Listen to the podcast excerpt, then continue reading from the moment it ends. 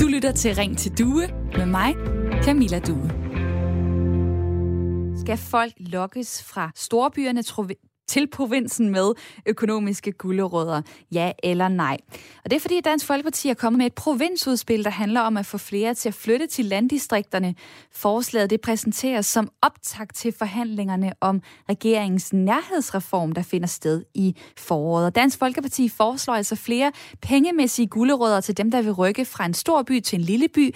Blandt andet at fjerne det faste gebyr, der er ved bolighandler og tvangsaktioner i landdistrikter at forhøje kørselsfradraget. Det er både for folk, der pendler fra en landdistriktskommune, men også dertil. Og så også at eftergive halvdelen af nyuddannedes SU-gæld, hvis de flytter ud. Mathilde sender mig denne her besked. Jeg er studerende og bosat i København. Personligt vil jeg helt sikkert overveje at flytte til provinsen for en økonomisk fordel. Jeg tænker, det samme gælder mange i min omgangskreds. Med venlig hilsen, Mathilde. Og hvis man kigger på, hvor mange det er, der her i Danmark har øh, et SU-gæld, et SU-lån, som de kunne øh, få eftergivet, jamen så er det sådan, at tilbage i 2017, der var der cirka 470.000 danskere, øh, som, øh, som havde et studielån i gennemsnit omkring 65.000 kroner, altså et lån, de har optaget i forbindelse med, at de studerede og måske havde lyst til at, øh, at have lidt øh, flere penge mellem hænderne. Det kunne måske lokke Mathilde og hendes omgangskreds øh, afsted. Øh, hvis man kigger øh, på nogle andre af de gebyrer, øh, som Dansk Folkeparti vil pille ved, jamen så er det for eksempel det her med at fjerne gebyrer ved bolighandler. Det er sådan noget som tingløsningsafgiften. Sparer du? Øh, du sparer nogle penge jo, hvis, øh, hvis den bliver nedsat. Øh, lige nu er det øh, sådan, at du for eksempel giver øh, 12.000 kroner i tinglysningsafgift cirka, hvis du øh, køber et hus til 2 millioner, køber du et hus til 4 millioner, er det 24.000 osv. Men det skulle man altså ændre på og gøre lidt mere... Øh, nogen vil måske sige færre, i forhold til, hvis du køber et hus øh, ude øh, på landet, så skal du ikke betale lige så meget, som hvis du køber et i øh, København og omegn. Og det kunne jeg da godt lige tænke mig at øh, vende øh, med, øh, med mit lytterpanel. Øh, Søren Høenhav, der stadig er med, 67 år, bor i, øh, i Horsens. Hvad siger du til de, det her konkrete forslag om at pille ved, ved øh, tingløsningsafgiften og gøre det billigere at købe en bolig øh, i provinsen? Jamen, jeg tror da ikke, det hjælper. Altså, det er, det er én gang, og hvad så? Nu siger man 12.000 kroner, jamen herregud. Det er som et hisse bukserne, det, det var man ikke ret lang tid. Så den tror jeg slet, slet ikke på. Nej, der skal mange andre ting til, for at det bliver attraktivt, for at skifte bolig. Hvad det så? tror jeg ikke. Nej, lad os få nogle center, hvor, hvor folk de kan være, og nogle lidt store satellitbyer, hvor der er alle de der ting, øh, skoler, vuggestuer, idræt og hvad ved jeg. Nej, lad, lad os få noget af det i gang, frem for de der lappeløsninger, som, øh, Dansk Folkeparti de kommer med der. Den tror jeg simpelthen ikke på.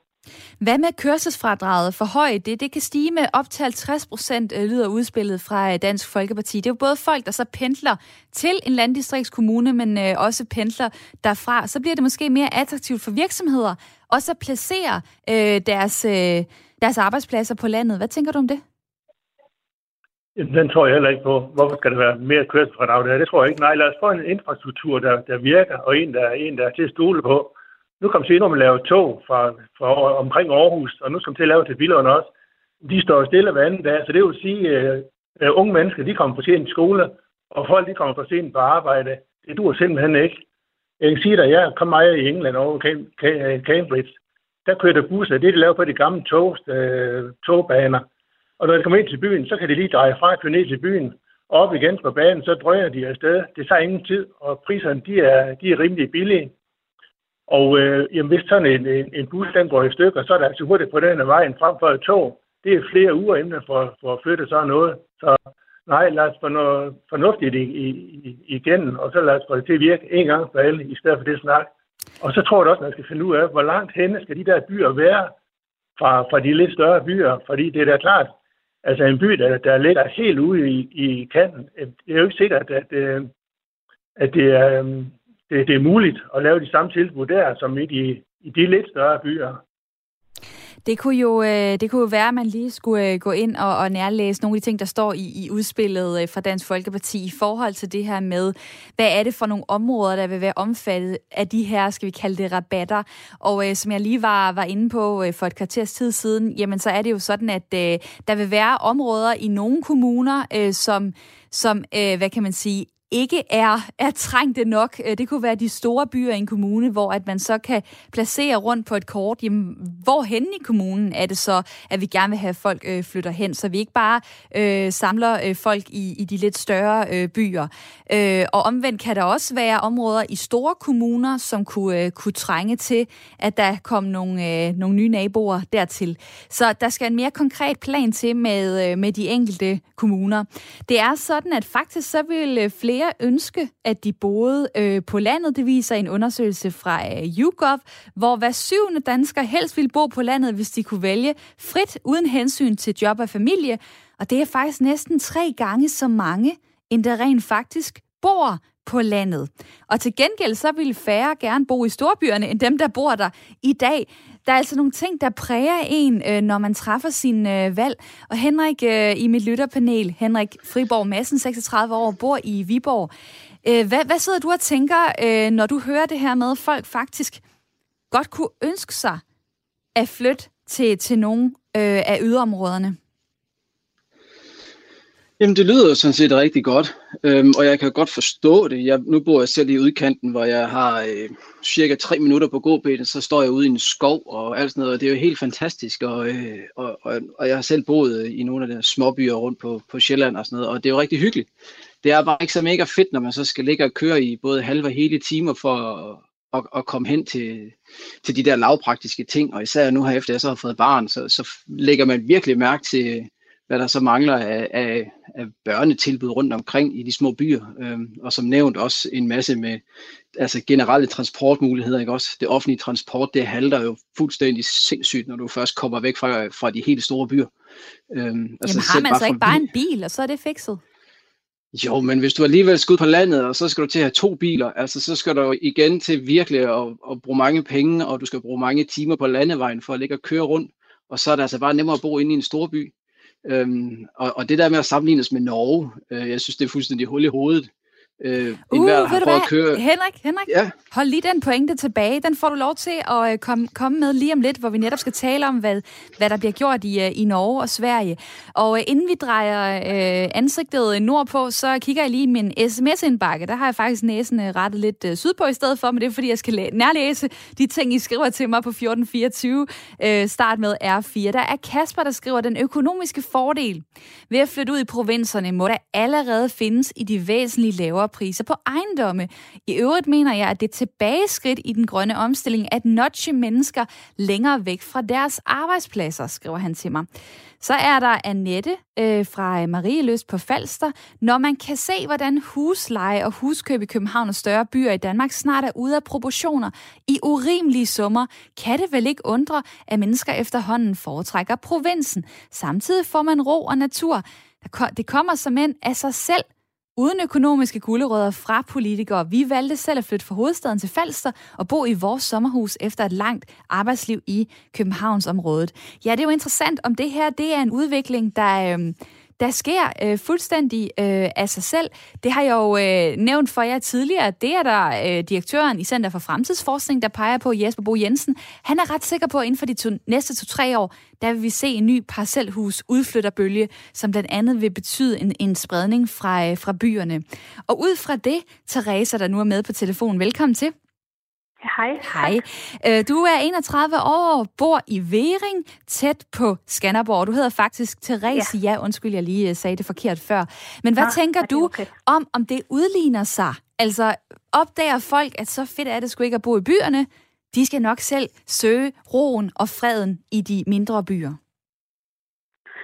Jamen, øh, det, det tror jeg egentlig er rigtigt nok, at det lige stille skal udligne sig, men hvis man gerne vil skubbe endnu mere i gang, så kan jeg godt forstå Dansk Folkeparti, at de gerne vil øh, komme med nogle indsatser og nogle forslag til det. Jeg synes bare, at øh, som jeg tror, det var Søren, der nævnte, at det var som at tisse i bukserne og få sådan et engangsbeløb eller få nedsat sin studiegæld. Øhm, jeg tror mere sådan noget langsigtet plan kunne være måske at sænke øh, skatter eller selskabsskatten, så der kunne komme små og mellemstore virksomheder ud til de her områder her. Øhm, så der også gav noget liv øh, derude. Øh. Og så tror jeg også, at sådan noget som børnehaver, vuggestuer skoler bare er utrolig vigtigt. Altså det er noget, der gør, at man vælger øh, noget fra, hvis der ikke er mulighed for, at øh, ens børn eller øh, at man selv kan komme, komme til sådan nogle, øh, hvad hedder det, til de her steder her, ikke? Og nu øh, øhm, går jeg jo lige ind på Google og slår øh, Væring op. Øh, er du selv klar over, hvor mange der bor der? Det er lige gået fra at være en landsby til en by, så det er lidt over 1000 mennesker.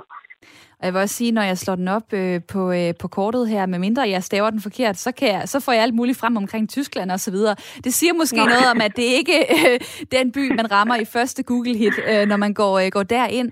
Men hvad er, øh, øh, hvad er det for et liv, øh, du har mulighed for at, at leve der, i stedet for hvis du flyttede til Skanderborg, som er en lidt større by tættere på? Jamen her har vi jo mulighed for at, øh, at få et øh, godt fællesskab med naboerne også, og der er, altså nu har vi så både øh, en vuggestue og øh, hvad hedder det, børnehave og skole helt op til 9. klasse. Men det var da noget af det, der var afgørende for, at vi flyttede herud, at der faktisk var det.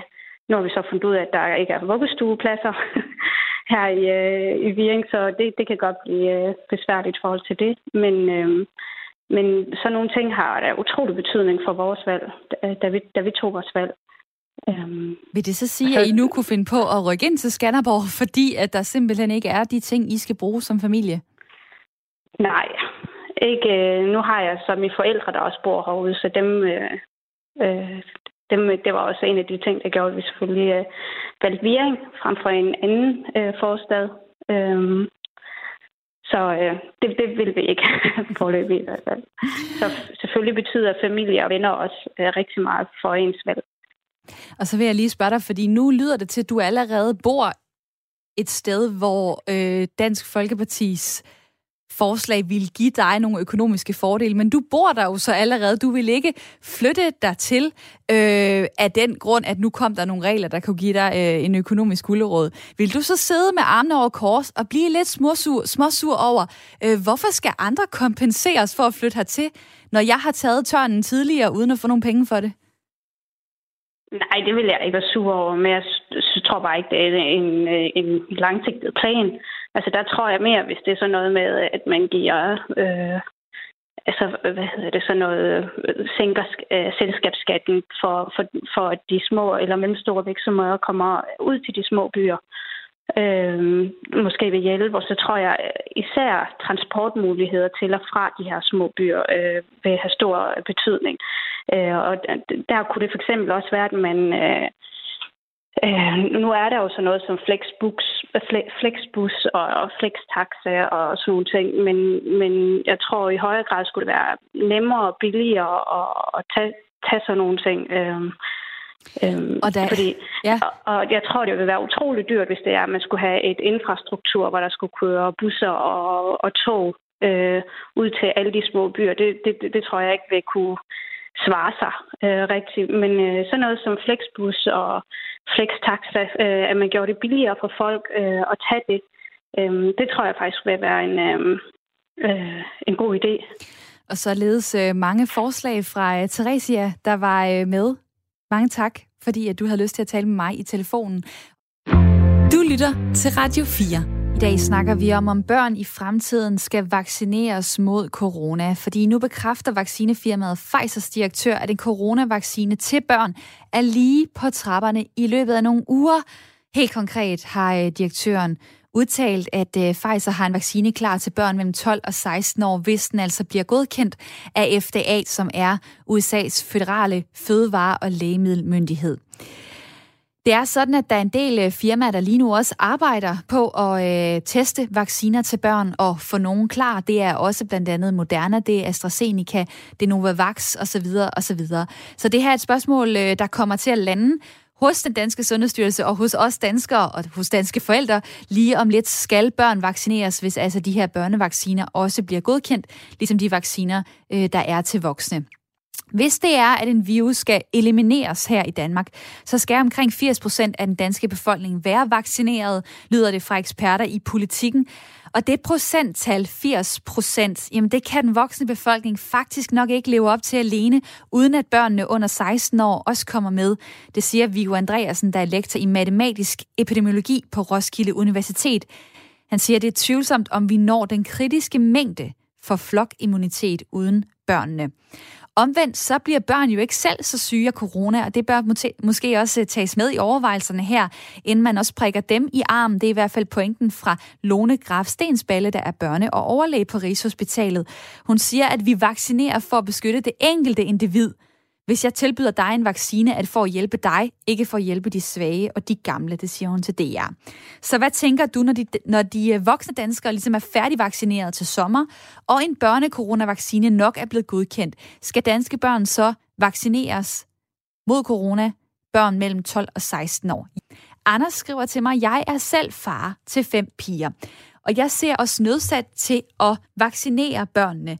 Det er set i løset af, at øh, coronavirusen danner mutationer. Dannes en mutation blandt børnene, så risikerer vi, at hele vaccinationsprogrammet nulstilles den vej, lyder pointen fra Anders.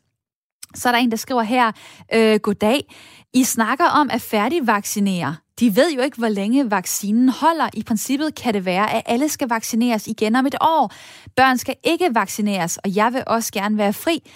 I hvert fald indtil nu, skriver Daniel til mig på sms'en.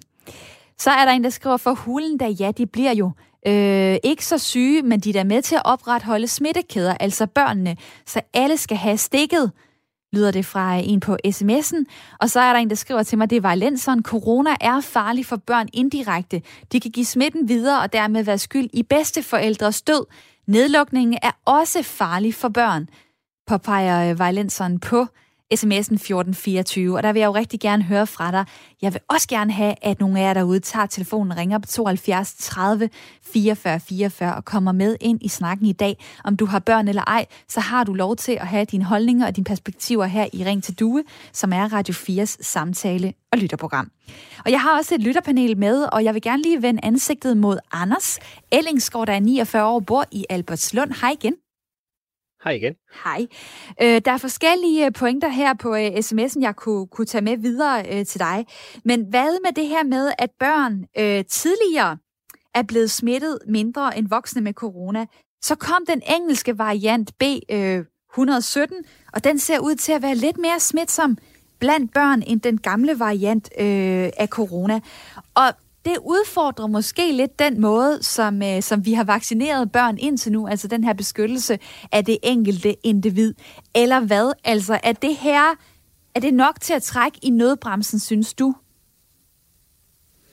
Altså nu øh, efter den engelske variant er kommet ud, øh, nu min datter, hun går, datter går på i en relativt lille klasse, øh, men hun har to gange øh, siden den engelske variant kom, øh, faktisk var hjemsendt på grund af, af sygdom. Den ene gang øh, hos mig, og så må hun jo ikke komme i skole, hvis jeg har feber. Og den anden gang, det var det så øh, en af lærernes børn, som så betød, at, at man kan sige, at klassen blev lukket ned. Øhm, og det, det har jo været i år allerede, at, at hun har mistet undervisning to gange. Så hvis der skal være en normal tilstand i undervisning, så øh, tyder det jo på i hvert fald, at, at børnene skal vaccineres. Og så vil jeg egentlig også lige angribe den, den tese om, at vi vaccinerer kun for at beskytte os selv. Og nu sagde vi jo det med de røde hunde. Kopper blev altså var jo også en vaccine, vi gav for at beskytte både os selv, men også de andre. Man måtte ikke komme i skole dengang. Øh, jeg var knæk, hvis man ikke var kopper, kopper vaccineret, og det var jo altså også for at beskytte dem, du gik i skole med. Der, der kan jeg jo måske bare opdatere, at du er 49. Nu er Sundhedsstyrelsens udgangspunkt, ja. at sygdommen skal være alvorlig for det enkelte barn. Du har ret i, der har været eksempler på noget andet tidligere. Nu har de måske øh, skiftet øh, lidt øh, strategi, øh, vil jeg så bare lige øh, byde ind med. Men, men hvad med mit spørgsmål, altså i forhold til, om det her det er en så stærk nødsituation, at, øh, at børnene skal tages med. Altså Hans Jørgen Kolmers, der er professor i klinisk mikrobiologi fra Syddansk Universitet, peger på, at vi har været igennem en slags undtagelsestilstand. En nødret, som han formulerer det. Og her skal alle børn bidrage, ligesom alle andre, for at bekæmpe smitten øh, siger han i, øh, i mediet Zetland. Hvad vil du sige til, til den tanke? Altså, jeg synes ikke, vi er der, hvor vi skal til at, at, så at sige, tvangsvaccinere eller forlange, at man er vaccineret. hvis man er under 16, for at få lov til at komme i skole, men jeg synes bestemt, det skal tilbydes, når den så bliver godkendt.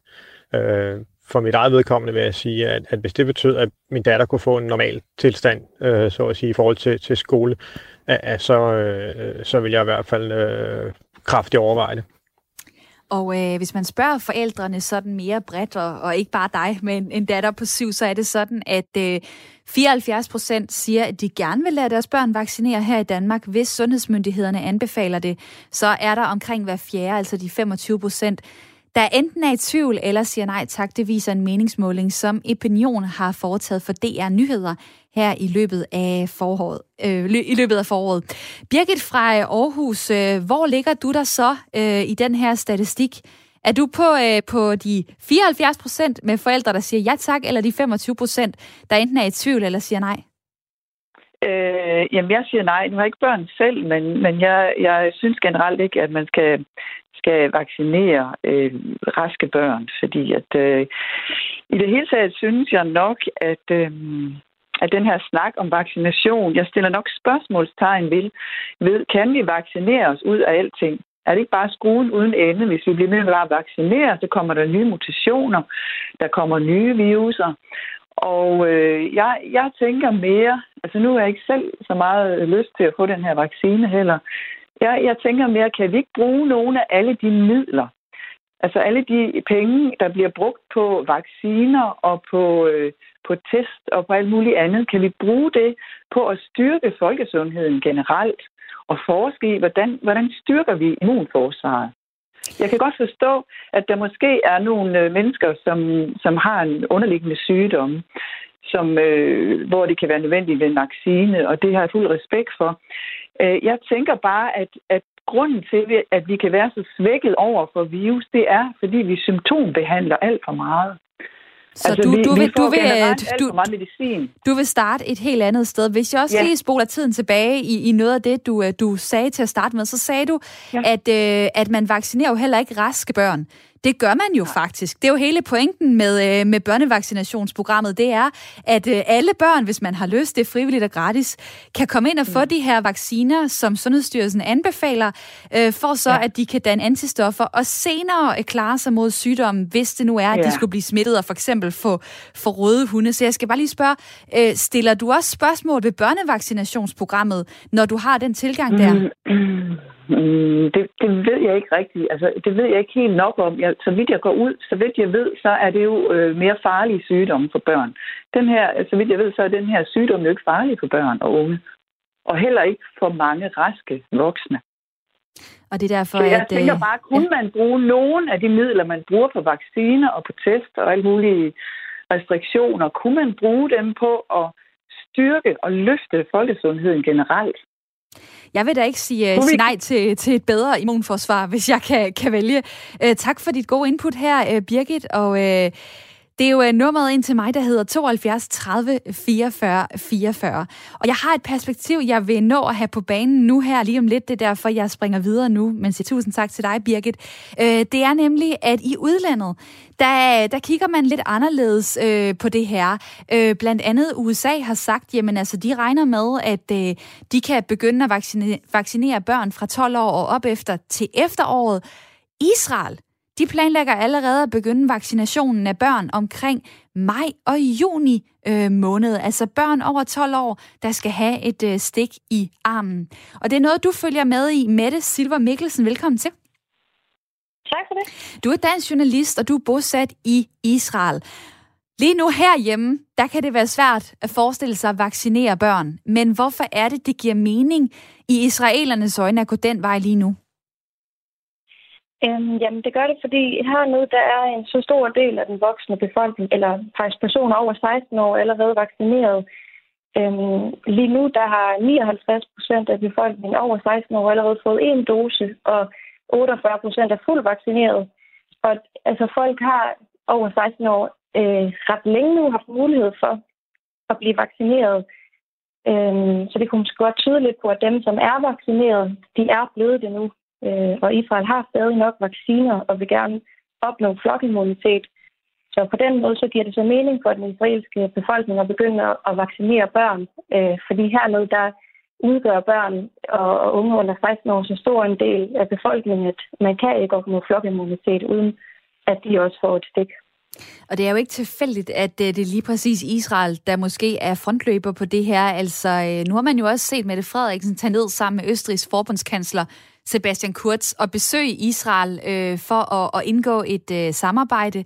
Og det er jo blandt andet fordi, at Israel har været meget frem i skoene i forhold til vaccination. De har været rigtig gode, rigtig hurtige til at købe vacciner ind, og også til at få vaccineret, som du nævner, størstedelen af den voksne befolkning i Israel, i hvert fald dem, der vil vaccineres. Hvad så? Altså, er der slet ikke nogen bekymringer på bordet her i forhold til, til børn, som ikke selv bliver lige så syge af corona, at nu skal de lige pludselig til og, og stikkes også, og hvad hvis der er bivirkninger osv.? Hvor er bekymringerne henne i det her? Altså for en måned siden, der blev der faktisk lavet en øh, undersøgelse blandt forældre til børn på øh, 6-15 år, hvor 41 procent sagde, at de ville vaccinere deres børn, men 30 procent var usikre, og 29 procent sagde, at de ikke ville. Men altså, det er jo så en måned siden, og mit gæt i dag vil være, at flere i dag vil sige, at de gerne vil vaccinere deres børn, fordi i de seneste uger, der er smittetallene og positiv procenten i Israel faldet virkelig meget. Og det er jo fordi, at, at flere er blevet immune og så har Israel faktisk allerede vaccineret nogle, øh, nogle børn og unge under 16 år. Øhm, I februar der begyndte man at vaccinere 16-18-årige personer, for at de kunne øh, komme til nogenlunde normal afslut, øh, afsluttende eksamen. Og så er flere hundrede børn i risikogrupperne faktisk også allerede blevet vaccineret. Altså børn med for eksempel kræft eller diabetes, øh, lunge- og hjerteproblemer – og de har altså ikke haft nogen alvorlige bivirkninger, eller særlig mange øh, bivirkninger for den sags skyld. Og lad mig lige spørge dig til sidst. Altså det, at øh, Israel er så langt i deres vaccinationsprogram, eller vaccinationsstrategi, kunne jeg kalde det. Hvad betyder det for, for det hverdagsliv, som øh, israelerne kan leve lige nu? Det betyder ekstremt meget. Altså, som I nok også har hørt, øh, eller det ved jeg, jeg også har været i nyhederne i Danmark, så har vi fået et grønt pas hernede, øh, som man får, når man enten er vaccineret, eller man har haft corona, eller hvis øh, man kan fremvise en test, der er mindre end 72 timer øh, gammel. Og den kan du fx bruge til øh, at tage på restaurant. Der kan du sidde indenfor, hvis du har det her grønne pas. Du skal sidde udenfor, hvis du ikke har det. Du kan tage i fitnesscenter, med dit, øh, når du er vaccineret med det her grønne pas. Øh, du kan tage på bar. Øh, der bliver snakket om natklubber, de skal åbne fra øh, på søndag, så livet det er faktisk øh, er næsten normalt hernede, fordi så mange er blevet vaccineret. Og smittetallene, som jeg sagde, de er også gået rigtig meget ned. Og tak for lige at sætte nogle ord på det her, Mette Silver Mikkelsen. Det var så lidt. Dansk journalist øh, bosat i Israel. Lad mig lige vende det med dig, Rone, i mit øh, lytterpanel. Jeg står næsten og får lidt kuldegysninger af at, og høre om det almindelige liv, man engang kunne leve. Gå på, gå på restaurant og bar og gå i fitnesscenter og sidde indenfor og hvad ved jeg. Nu ved jeg ikke, om det er så godt vejr i Israel, man egentlig mere har lyst til at sidde på en forsvarscafé. Men hvad tænker du, altså, øh, hvis man lige tager det lange lys på, så kan det, at børn bliver vaccineret, hvis vaccinerne er godkendt vel at mærke, jo være det, der gør, at vi kommer tilbage til det almindelige liv, vi kender? Jamen, jeg tænker da, at øh, jeg ville også ønske, at det var så simpelt, sådan, at øh, vi får øh, så mange øh, som muligt vaccineret, også børn øh, ned til en vis alder, mm, og så er vi øh, stort set fri af coronavirus.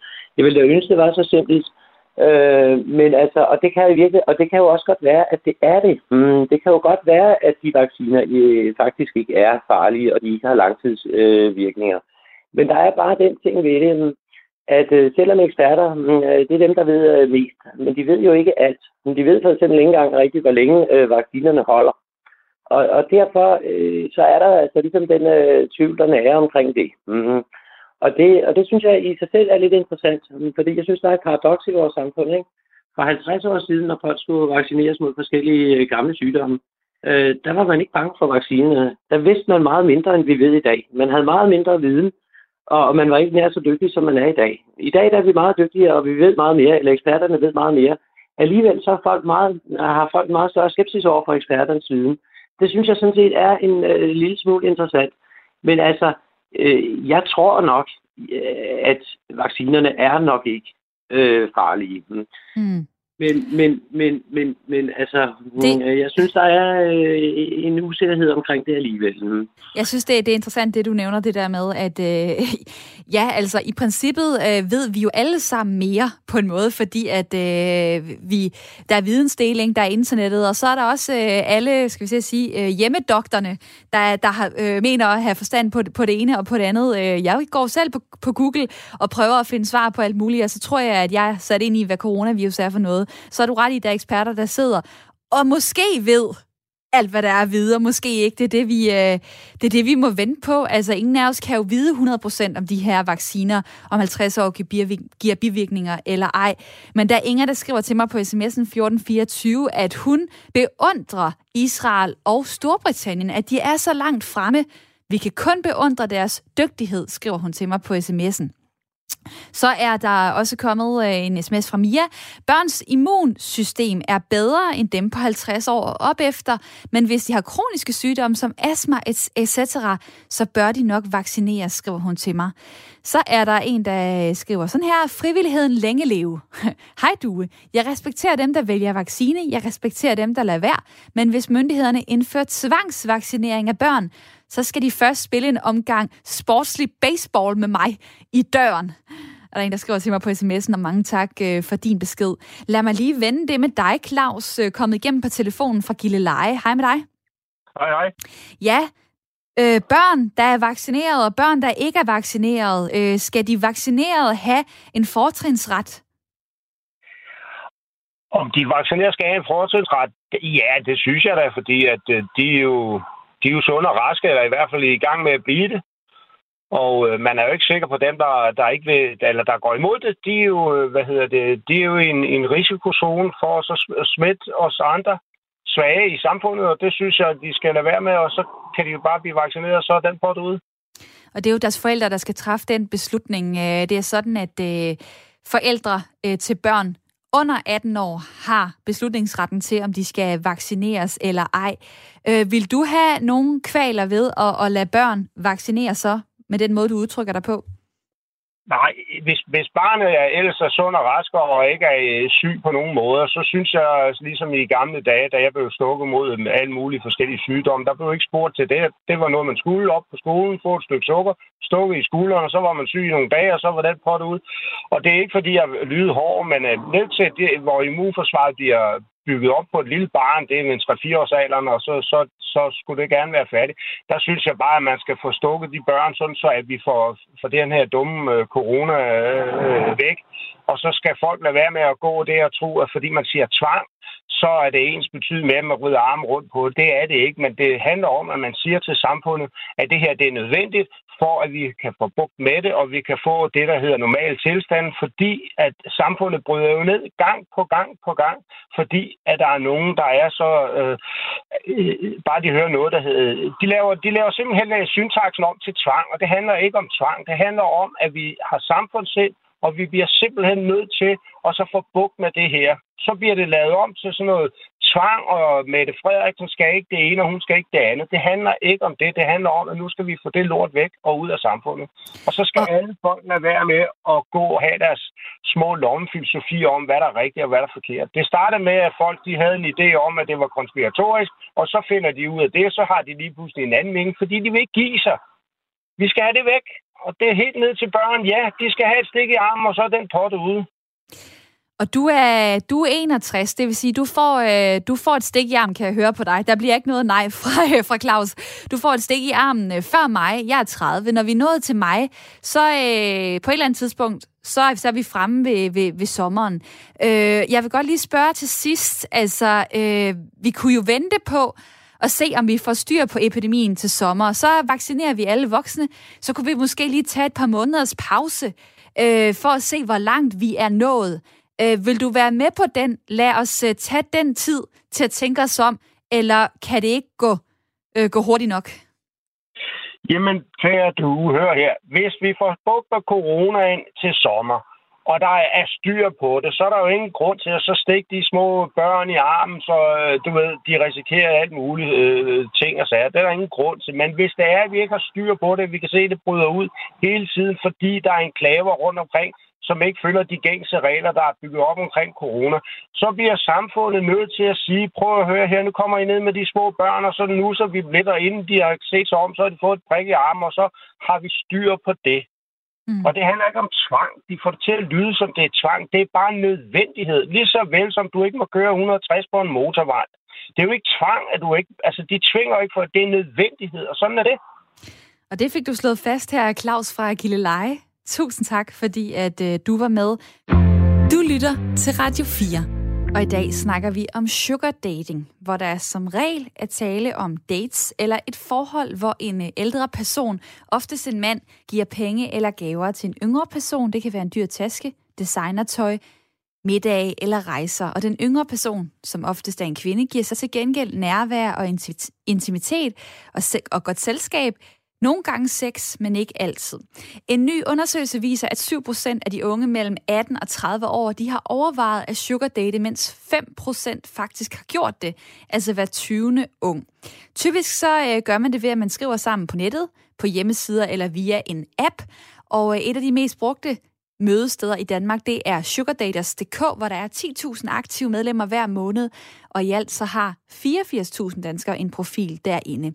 Når man så spørger de danske unge, hvad mener de om sugar dating, så svarer de i en ny undersøgelse, at sugar dating er i orden, hvis det giver en god følelse. Det siger 50 procent i hvert fald.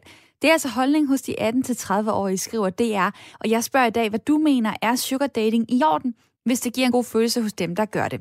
Du vil jeg sige hej til Christoffer fra Odense, 28 år. Velkommen til. Goddag. Du synes egentlig, det er i orden. Man kan sige, du er måske også i, uh, i målgruppen for det. Uh, så bare ja. som det, der hedder boytoy. Det vil sige, uh, den, der er den yngste i relationen, og måske vil kunne, uh, kunne få noget ud af at, uh, at lave en, øh, en profil på en øh, sugar dating hjemmeside. Det kan være, at du vil blive kontaktet af nogle, øh, nogle kvinder, der havde lyst til at, at give dig nogle forskellige ting for dit uh, selskab. Uh, hvad tænker du egentlig om den situation? Uh, umiddelbart har ingen fordomme. Altså, det er ikke noget, som jeg, som jeg kunne finde på at gøre uh, personligt. Men altså, jeg har fuld respekt for dem, der gør det, og som sagt, ingen fordomme for, hvad det angår. Uh, folk har den frie vilje, så de skal have lov til at gøre, hvad, hvad de har lyst til, selvfølgelig. Øhm, personligt er det ikke en relation, som, som jeg, jeg selv vil kunne stå inden for. Jeg vil gerne have øh, noget, som du selv nævner, et bøjetøj måske, men det er ikke lige, øh, som sagt, det er ikke lige mig. Jeg vil gerne have en relation, hvor man ligesom har noget at byde på, øhm, som går begge veje. Det skal ikke være øh, uh, ensformet, hvor det er øh, mig, der modtager, eller øh, omvendt mig, der giver. Øh, men øh, som sagt... Og, hvad, hvad, hvad, er det, hvad er det problemet er i det? Fordi at jeg kan se, at der er en, der, der skriver til mig her på sms'en, at øh, det er lidt stereotypt, at jeg har nævnt det her med øh, tidligere ja. programmet, hvad, at til, det kan jo være, at man til gengæld skal arbejde 25 timer i Netto. Det jeg mente, det var, hvad hvis man i stedet for skal have et studiejob? Det er jo måske ikke helt øh, øh, irrelevant for dig. Altså, du er 28. Det handler jo om, at man øh, på en eller anden måde får nogle får noget ud af sådan en relation, og måske er det lidt mere let, samtidig med, at man også kan få en, øh, en god oplevelse. Ja, det, er, det lokker meget. Altså, det lyder da meget tiltalende, men der er alting i skuld øh, bagtanke. Jeg synes, det er naivt at tro, at der ikke hører, at øh, man ikke forventer noget ydelser retur. Og øh, man må bare konstatere, at det er en realitet, eller en stereotyp, at øh, meget af det, det er seksuelle ydelser. Øhm, men øh, jeg synes, det er lidt for skruet. Jeg synes, at øh, en af dine øh, tidligere øh, lytter var også inde på det, at øh, hvis det er det, man ønsker, at øh, man gerne vil udvikle følelser og ikke øh, øh, modtage gaver eller guld for og grønne skove, uh, som øh, falder ned fra himlen, så burde man lave en øh, ny platform, hvor det er øh, øh, udelukker alt seksuelle ydelser, alle fordomme, hvad det angår øh, stereotyper. Og øh, så er det jo bare følelser og ved du hvad, et, øh, et, uh, tanker for en tanker, og ja, på den måde splittet op på den måde. Og er det ikke bare almindelig dating, som man kender det på uh, Tinder eller Dating.dk eller Happen, Nej, eller hvad man ellers bruger? ja, præcis. Men igen, nu er jeg bare den skole, at uh, jeg forventer aldrig noget uh, kommer gratis. Det er i hvert fald aldrig noget, der har gjort. Der er aldrig noget guld, der lander på mine fødder, uden at uh, jeg har skulle arbejde for det, eller uh, der har været en skub bagtanke bag det. Og jeg synes igen, det er naivt at tro, at, uh, at der ikke er noget, der går den modsatte vej. Øhm, Grunden til, at jeg tager emnet igen, øh, op i dag... Det er, undskyld, jeg afbryder dig der. Lov at gøre, hvad det er. Ja, undskyld. Ja. Øh, det er bare fordi, grund til, at jeg tager emnet op i dag, det er jo, at øh, der er lavet en stor undersøgelse mellem de 18-30-årige i forhold til deres blik på øh, sugar dating. Og du er jo så i, øh, i den alderskategori. Øh, og jeg har faktisk lige et øh, citat her. Der er nemlig en øh, rådgivningsportal, der hedder Ung til Ung, øh, hvor de også taler med unge om øh, sugar dating. Og øh, der siger Jannik øh, Dubus, som øh, rådgiver, han siger sådan her, når de unge, vi taler med i rådgivningen, taler om prostitution, så taler de om at stå nede på gaden og ikke have et valg. Det er de ikke i nærheden af. De siger, jeg sugardater, når jeg har lyst, og jeg kan sagtens styre det. Så det, jeg bare vil spørge dig om, det er, øh, er det simpelthen øh, en eller anden alderskløft, der er her, at alle de ældre, de fordømmer det, de kalder det øh, prostitution, og kan slet ikke forstå, hvad det er, de unge har gang i. Og så er der unge her, der siger, jamen altså, de gør det bare, når de har lyst, og de mener godt, de kan styre det. Uh, det skal jeg ikke gøre mig alt for klog på. Jeg tror, ja, der måske igen, ja, det beklager der mig at være svaret skyldig. Det vil jeg ikke stå inden for. Det er måske også et uh, lidt tavligt spørgsmål faktisk at stille til dig. Jeg tænkte bare på, ja. det kunne godt være, at du har oplevet, at unge faktisk øh, i din omgangskreds har et, et lidt andet syn på det her. Måske ikke synes, det er ja. helt så galt, som, øh, som din mor og far for eksempel ja. synes. Ja. Jeg tror måske lidt mindre fordomsfuld, øh, ved, ved at tro. Øh, som sagt, personligt nu er jeg jo, jeg er selv i alderen. Øh, jeg har ikke noget mod det.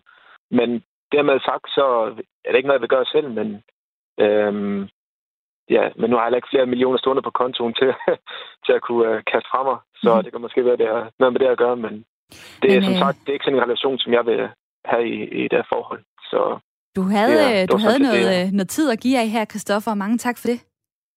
Selv tak, og tak for chancen. Jamen, dejligt, Dejligt at høre fra dig. Øh, Kom igennem på 72 30 44 44. Og lad mig lige få Hassan fra Tostrup med i snakken. Altså, den forarvelse, der er i dag, lad dem da bare gøre det. De er jo øh, myndige. De kan jo selv træffe deres egne livsvalg nu. Jamen, øh, det er helt korrekt. Øh, og, med, og jeg synes også, at der er to dele i den her debat. Den ene, det handler om uh, den seksuelle frigørelse og folks ret til at råde over deres egen krop. Og det skal man ikke anfægte. Så jeg kan heller ikke klandre de her unge øh, mennesker for at gøre det. Øh, så, så der er ikke noget negativt eller forarvelse associeret med det for mig. Men jeg er da helt klart bekymret for øh, en udvikling i samfundet, hvor man gør det lettere og lettere at øh, tilbyde øh, især kvinders kroppe, men også mænds, øh, som øh, objekter, som varer. Og, og det kan jeg virkelig ikke lide. Øh, jeg, jeg synes i det hele taget ikke i, i et samfund, hvor man er fri til at dyrke sex med hvem og hvad og hvornår man har lyst, at man kommer sådan et øh, element af, hvor øh, øh igen især kvinders øh, kroppe, de bliver vurderet ud fra et økonomisk perspektiv. Jamen, er du en Louis Vuitton-taske værd, eller er du, er du måske bare værd at indføre en taske ned fra Føtex? undskyld for at undskyld at stille op så, så, så, så groft. Ja, man skal altså, på med at, at nævne både Føtex og Netto, det har jeg øh, erfaring med på sms'en, så, øh, så får man skæld ud, fordi det er alt for, øh, for stereotypt. Men jeg kan oversætte ja. det, du siger. En dyr taske, eller en, der måske ligger i det lidt billigere øh, øh, leje. Øh, Hassan, jeg har lige et citat til dig her fra Christian Gros, der er kønsforsker. Han taler om, øh, hvor går grænsen egentlig? Og han siger, hvor går grænsen mellem en almindelig date, hvor manden betaler for mad, drinks, adgang til natklub og transport hjem. Og sugar dating, hvor man måske får gaver, penge eller en rejse, det flyder meget mere sammen, end mange af os i de ældre generationer er bevidste om og bryder os om. Hvad vil du sige Jamen, jeg er helt, jeg, jeg er helt enig, uh, og det er også derfor, jeg, jeg skal ikke dømme de unge folk, fordi det, det er en flydende overgang. Men jeg synes, at hvor der har op gennem min ungdom været en tendens til, at øh, kvinder i større grad vil sige, jamen, jeg betaler for min halvdel af måltidet, eller lad mig tage dig på date, øh, hvor der ligesom var en mere jævnbyrdigt forhold, og der ikke var en antagelse om, at det var manden, der skulle betale, og manden, der skulle oparte og sådan noget, øh, så er vi begyndt at ryge tilbage i det øh, område, hvor der hvor kvindens vare øh, er hendes seksualitet, hendes krop, hendes, hendes udseende. Øh, og det synes, jeg, det, det synes jeg er en negativ øh, udvikling i samfundet det kunne vi godt gøre os for. Jeg tror stadig, at folk de kunne have øh, fin og fantastisk sex og øh, legaliseret prostitution kan jeg også godt acceptere. Jeg synes bare, at det der, det, det er en glid igen. Det, det, jeg tror, det er en, en skrant, man begynder at løbe ned af, når man først kommer ind i sugar dating, fordi det er normaliseret. Nå, men det er bare det ene og det andet. Mm. Øhm, men altså, og, igen, og Hassan, er... Hassan fra Tostrup, øh, du pegede på nogle mega spændende ting, som jeg lige tager med videre nu. Tusind tak, fordi Nana fra Gentofte er også med på uh, telefonen 38 år. Hej med dig. Hej så. Hej. Nu taler Hassan lige om det der med øh, den måde, hvor kvinder måske ellers har, har rykket sig lidt, ikke kun som modtageren af gaver, men også som den, der ligesom øh, vil, vil tage sin plads og sige, jeg kan godt betale for drinks, jeg kan godt øh, give halvdelen af middagen, jeg vil ikke føle, jeg skylder dig noget. Øh, sugar mhm. dating, mm. er det egentlig øh, ret skidt for den ligestilling, der er mellem mænd og kvinder? Altså, i princippet, så synes jeg, at øh, folk de skal have lov til at gøre lige præcis, hvad de vil. Øhm, jeg synes, der hvor det bliver problematisk, det er, at når man er ung, så kan man ikke altid se konsekvensen af det, som der også blev beskrevet, det der med, at øh, jamen, man kan godt have en tendens til, at man, man får nogle ting, man vinder for nogle ting, og så kan det svært at, at slippe ud af, og så bliver det måske en følelse netop af prostitution. Øhm, og det synes jeg kan være problematisk, men sådan mere overordnet set, så tror jeg, jeg synes, det er langt mere problematisk, at så mange unge identificerer sig med dyre ting, at de føler, at de har brug for at, at, øh, at få nogle nemme, hurtige penge for at kunne øh, leve en, en livsstil, som, hvor jeg bare tænker, jamen, hvorfor er det så nødvendigt for dem? Altså, jeg er sådan en, der går i genbrugsbutik og køber mit tøj. Jeg er meget ligeglad med, om det er en mærkevare eller ej. Øhm, hvad, hvad, hvad hvis det handler om sådan noget som at få en, øh, en computer øh, eller nogle øh, dyre øh, bøger til, til jurastudiet? Altså det er, det er mange forskellige typer af mennesker, der gør det her. Christian Gros, der er kønsforsker og øh, leder et af Danmarks øh, største forskningsprojekter om sugar dating, faktisk også øh, det første sådan rigtig store. Han siger sådan her, selv om de udsatte unge måske er overrepræsenteret i vores interviews, så er der også mange almindelige, velfungerende unge, der sugardater. Jeg har for eksempel talt med en, der er i gang med sit speciale på tysk, en, der er uddannet journalist, og en, der er blevet forfatter. Mm. Men det er jo netop, tænker jeg, Altså, nu siger du sådan, hvad hvis man har brug for en computer? Jo, men du kan sgu også godt gå ud på den blå avis og finde en computer, som virker fint til dit studie for, altså, ja, 1000 kroner. Og det kan man godt klar med at arbejde, tage et arbejde i Netto. Men jeg tror bare, at problemet er, at folk de vil, gerne have, de vil gerne have det nyeste, de vil gerne have det lækreste, om det så er computer eller øh, tasker eller hvad det er. Og det, øh, jeg synes, at det er... Jeg synes faktisk, det er lidt frygteligt, det er sådan. Altså, hvis man synes, jeg skal være helt ærlig og sige, at hvis jeg havde vidst, der var noget, der hed, at man kunne for eksempel gå ud og, øh, og spise med folk, det ved jeg nu er, er noget, der egentlig har gjort, at øh, man kan gå ud, for eksempel forretningsmiddag, hvor at de har brug for en date, så øh, kan man gå ud og spise med dem og ligesom være en del af det. Jeg elsker at møde nye mennesker. Jeg elsker at snakke. Jeg elsker at være på. Så det havde passet perfekt til mig. Øh, det skulle bestemt ikke være det der aspekt i at, og ligesom at sælge sig selv øh, og få penge for det, fordi at, det ved jeg, at det kan være rigtig, rigtig ødelæggende. Mm. Øh, og, det, og igen tænker man måske ikke lige over det som ung. Øhm, men, men hvis det, hvis det på den måde, hvor det netop ikke er seksuelle ydelser, der indgår i det, så kan jeg overhovedet heller ikke se et problem i det. Og, og jeg kan heller ikke se et problem i det, hvis, hvis det er, at det er mennesker, som godt forstår konsekvensen af det, og kan se, at der kan være, altså, forstår, hvad man går ind til. Og det tror og det jeg bare jo, ikke, man gør, når man er 18 heller. Nej, det er det, der er det interessante. Øh, hvor meget mm. forstår man egentlig om sig selv og det, man har gang i? Det handler ikke kun om, øh, om sugar dating, måske generelt. Måden, man, øh, man lever sit liv på. Hvor bevidst er man, og hvor meget kan man egentlig se ud i fremtiden i forhold til de valg, man træffer? Nana på 38 fra Gensofte. Mange tak, fordi at du var med her. Og øh, imens så kommer der gode sms'er på 1424. Der er Søren, der har skrevet til mig, sugar dating er lige med formalisering af noget helt normalt, som altid er forekommet. Det eneste nye er, at de hurtige kontakter kan opnås via internettet. Det kommer ikke til at ændre sig, og det er ikke et område, hvor vi kan argumentere for ny lovgivning. Skræmme eksemplerne med mindreårige og ældre er allerede dækket med lov skriver Søren til mig. Så er det jo interessant, at jeg har øh, Karina Lorentzen, retsordfører for SF med, som gerne vil ind og pille ved noget af det her. Velkommen til. Jo, tak. SF har foreslået, at det skal være ulovligt at facilitere sugar dating på digitale platforme, altså for eksempel hjemmesider og sociale medier. Hvorfor er det lige der, I vil sætte ind? Det er jo sådan, at i den fysiske verden, så må man faktisk ikke tjene penge på andres øh, prostitution. Og øh, det betyder, at, øh, at man kan blive straffet for øh, for eksempel at øh, udleje lokaler øh, til prostituerede til en meget høj pris, øh, og, og ligesom skumme fløden på, på det, de laver. Øh, men sådan er det jo så ikke helt i den digitale verden, og det er egentlig bare den skævhed, vi, øh, vi foreslår at rette op på.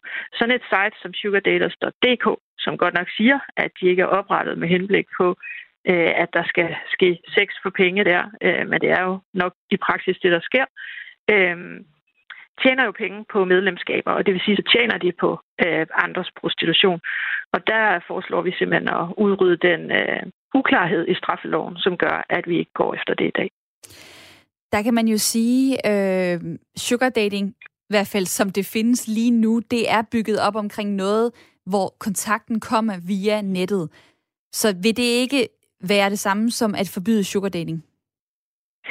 Nej, vi forbyder ikke sugar dating, og jeg tror, det har altid foregået, også før vi, øh, vi fik de sociale medier. Vi har i hvert fald for tid til anden hørt om, om børn, der lige øh, tjente til en mobiltelefon på den måde, selvom det er pivhammerne øh, ulovligt at, at bruge et barn på den måde. Øhm, så øh, jeg men, synes, men, men altså sugar dating starter jo næsten altid i dag, enten via sociale medier eller, eller særlige øh, hjemmesider øh, til det formål. Øh, ville, ville I også være glade for, hvis det var øh, bivirkningen af det her, hvis man kan sige det sådan, det var, at der var færre, der sugar datede? Jamen altså, jeg synes jo, at øh, det er forkert, at kroppen bliver en handelsvare på den måde, men, øh, men folk må jo bestemme, hvad de gør øh, med deres egen krop. Jeg har ikke noget imod, at barrieren bliver en lille smule højere for de meget, meget udsatte øh, unge, øh, som øh, risikerer at gå den vej. Det, at man har et site, der hedder sugardaters.dk, fortæller jo en lille smule om, øh, hvad det er, der kan foregå på det her site. Og mange af dem har jo bare en mobiltelefon, hvor det er utrolig nemt at, at oprette et medlemskab i dag, og så er man i kontakt med mange øh, kunder. Jeg synes i hvert fald som en start, at sådan et site kunne tage øh, og, og, og sikre, at der er aldersverificering, så vi i hvert fald holder de helt, helt unge ud, som vi desværre også har hørt historier om øh, de senere dage, fordi jeg tror ikke altid, de er klar over, hvad de går ind til, og der er en stor risiko for, at de bliver presset til noget, øh, som de i virkeligheden ikke har lyst til. Jeg skal lige spørge til sidst med det forslag, I øh, kommer med her. Altså hvis nu er en hjemmeside, lad det være gratis at øh, bruge siden. Øh, kan I så egentlig overhovedet øh, gøre noget ved det her, eller er det først, når der, man, der er betalende medlemskab, at øh, man egentlig kan, kan pege pilen mod, øh, mod hjemmesiden for eksempel? Ja, altså rufferi handler jo om at tjene penge på andres prostitution, så der skal jo være sådan et element for, at det ligesom øh, kan forekomme. Så er det jo rigtigt, så kan man jo godt oprette et gratis site, men det er der øh, sjældent nogen, der er interesseret i. Øh, de tjener altid penge øh, i en eller anden udstrækning på annoncer eller reklamer eller andre ting. Mm. Øh, så jeg tror egentlig i virkeligheden, at man vil kunne gå efter relativt meget øh, med den her paragraf. Og i virkeligheden er det jo allermest fordi, at jeg synes, at der skal være en konsekvenstilretning af den lov, vi nu engang har i dag. Jeg kan ikke forstå, at de her hjemmesider kan gå under radaren, øh, når det faktisk er forbudt at tjene på andres prostitution. Så må I se, om øh, I kan få andre partier med på det her. Karina Lorentzen, retsordfører for SF. Mange tak for lige at ville uddybe, øh, hvordan det er, at øh, I vil gøre et opgør med sugar dating på digitale platforme. Jeg vil lige øh, nå at tage Thomas på 47 fra Vesterbro med ganske kort. Hvad, øh, hvad sidder du og tænker nu efter at have lyttet til programmet? Ja, goddag. Det, som jeg tænker, er, at jeg synes også, man skal snakke lidt om, hvad det i virkeligheden er, når man lige øh, korter helt ind til benet. Øh, sugar dating. Øh, når man har et... Øh, øh, et, øh, øh, hvad kan man sige... Øh, det, det, det, det jo øh, er, det er, at du har et stort segment af nogle, faktisk nogle mennesker, som egentlig har det lidt svært ved at gå ud og møde mennesker. Det synes jeg er en sandhed, der skal frem om det her. At det er jo folk, det er jo en gruppe af ældre eller mænd, som ikke har et helt normalt til at gå ud og finde hverken kærlighed eller sex. Og så ved man, øh, at øh, alle de her øh, mænd, som, som ikke lige kan få eller score en kvinde eller finde en kæreste, det er der jo penge i. Så altså, der er ligesom det her marked at tage fat i, og det synes jeg er en stor del af ligningen, at det vil man så gerne, man vil gerne gå ud og, og øh, tilbyde sig selv til et folk, som egentlig ikke lige kan få det på den normale måde. Og det er nøjagtigt det samme segment, som dem, vi ser, der køber annoncer i, øh, i siderne bag i Ekstrabladet og så videre. Og det synes jeg er noget roderi. Øh, det er jeg ked af. Nå, men øh, du skal ikke være ked af noget i hvert fald øh, i forhold til at ytre din holdning her, men du er ked af, af sugar dating, kan jeg forstå. Øh, og tusind tak, fordi at du øh, kunne levere dine øh, pointe her på et minut. Det er øh, noget af en opgave, når man lige bliver øh, kastet ind i radioen, og der, desværre ikke er øh, mere tid. Tusind tak til alle dejlige lyttere, der har været med, både på telefon og jeres gode sms'er. Og også tak til mit lytterpanel i dag. Det var Allan Ollenborg på 55 år, der bor i Hedeshusene, arbejder som skadedyrsbekæmper. Tak for din tid. Selv tak. Så var det Vibeke Birk Borup, 41 år, der bor i Spøring mellem Aarhus og Randers, folkeskolelærer. Også tak, fordi du var med. Det var en fornøjelse. Og så vil jeg lige øh, tilføje her til sidst, at faktisk under corona, så har der aldrig været så meget interesse for sugar dating som der har været øh, tidligere. Så øh, der er en stigende popularitet, og derfor er jeg glad for, at jer derude har lyst til at tale med i dag.